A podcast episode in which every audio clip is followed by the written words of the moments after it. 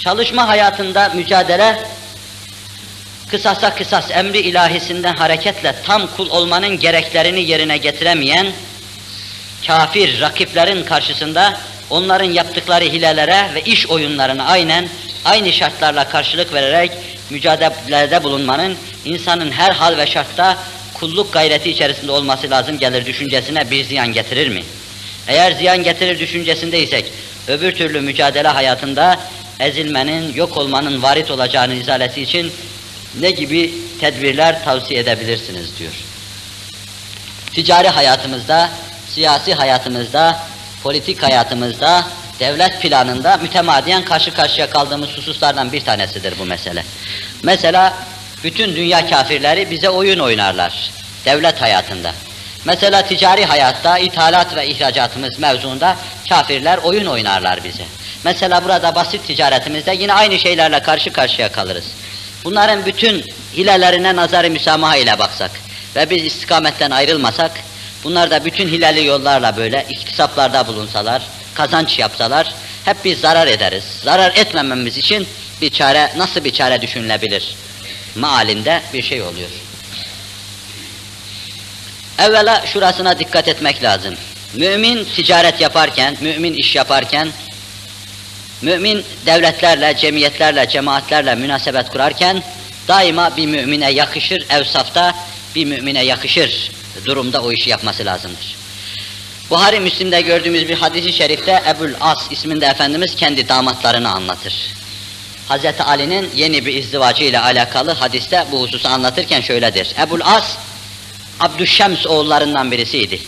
Efendimizin Zeynep ismindeki kerime-i muhteremeleriyle evlenmişti.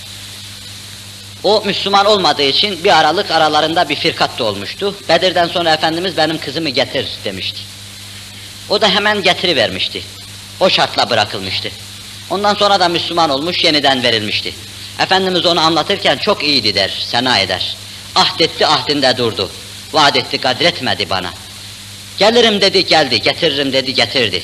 Ve sonra da Müslüman oldu o zat, azizler arasına girdi. Cahiliye devrinde bile esas istikamet, dürüstlük, doğruluk, Müslümanlığın icabı memduh vasıftır. İyi vasıflar kimde olursa olsun iyidir daima. Hususiyle bir mümin hiçbir zaman iyi vasıflardan ayrılmamalı. Mesela ticaret yapıyorsa esasen ticari ahlaka sahip olmalı. Ticaret için gerekli olan, ticari emniyet için gerekli olan şeyler nelerse harfiyen onları yerine getirmeli. Ama zaruret halinde, başkası sana oyun oynarken mesela gidiyor birisini ithal ediyor, ithal edeceğin mal oyun oynuyor, ithalini önlüyor, sen ithal edeceksin. Sen de mukabil bir şey yaparsın fakat şahsen ona ve ailesine zulmü işmam eder mahiyette olmayacak bu. Çünkü zulüm ne zaman olursa olsun mezmumdur. Zulmü işmam eder mahiyette olmayacak. Dirayet ve kiyasetinle, anlayışınla, ferasetinle, idrakınla, bu mevzudaki siyasetinle, idarenle yapabileceğin şey varsa onu yapacaksın. Fakat sen tamamen kadre uğradın, perişan oldun, derbeder oldun. Mahsurlu şeyleri irtikap edecek hale geldiğin an, belki o türlü mahsurlar senin için mubah olabilir. Fakat mahsurlu şeyleri irtikap edecek hale, yani mahsurlar senin için mubah olabilecek hale gelmeden, mahsurlu şeyleri irtikap etmeye kime karşı olursa olsun şeriat cevaz vermez. Yalnız harbi kafirlerle aramızda, onları zayıf düşürmek, onların içinde panik hasıl etmek, ticari emniyetlerini sarsmak, bazı dönemlerde tecviz edilmiş ve İslam'ın çeşitli devirlerinde İslam büyükleri, devlet adamları, liderler bu işi yapmışlar. Bu çok şumurlu bir şey olduğundan vicahi olması bu işin daha şey olurdu, daha verimli, daha semereli olurdu. Şumurlu olduğundan kat'i bir şeyler söyleme imkanı yok adeta.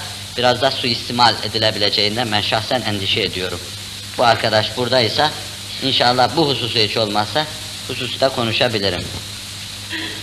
Altıncısı şu, evlilikte insanın kısmeti bidayette Allah tarafından belirlenmiş midir? Evliliğin gerçekleşmesinin ne zaman olacağı yine Yüce Allah'ımız tarafından tespit edilmiş midir? Edilmiştir. İnsanın duaları ile kalp, kalbine göre bir kısmet önüne çıkabilir düşüncesinde isek, bidayette tespit edilen kısmetin değişebilmesi nasıl izah edebilirsiniz? Kaderle alakalı bir şey yine bu. Bunun da cevabı verilmiştir esasen. İnsan ne yaparsa yapsın hepsi yazılıdır. Yazılıdır ama insanın iradesi hesaba katılarak yazılıdır. Allahu Teala ve Tekaddes Hazretleri söylenen ve dinlenen şeyleri rızası istikametinde ve faydalı olmaya muvaffak kılsın inşallah Teala. Lillahil Fatiha.